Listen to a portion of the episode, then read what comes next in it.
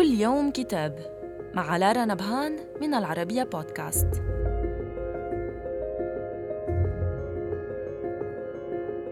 كتابنا اليوم بعنوان الصناعة كما عشتها لرجل الصناعة السعودية البارز سعد بن إبراهيم المعجل الرجل الذي يعد أحد أعلام الصناعة في تاريخ السعودية.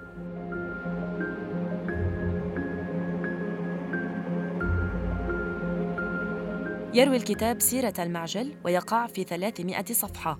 يتكون من عشرة فصول وملحق لشهادات رجال الصناعة والتجارة والاقتصاد السعوديين في حق المعجل وملحق آخر للصور.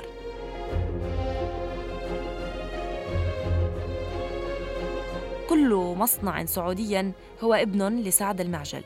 بهذه الكلمات افتتح وزير التجارة السعودية السابق الدكتور توفيق الربيعة تقديمه لكتاب المعجل الذي أمضى نصف قرن من حياته في الدراسة لهندسة تجارته وصناعته الخاصة والعامة.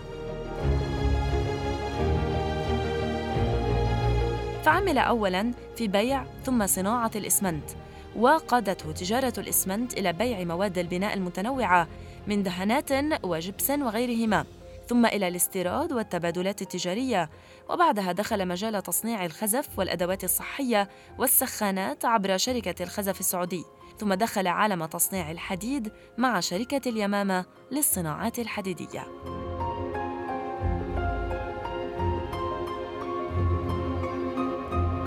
صدر الكتاب عن دار تشكيل.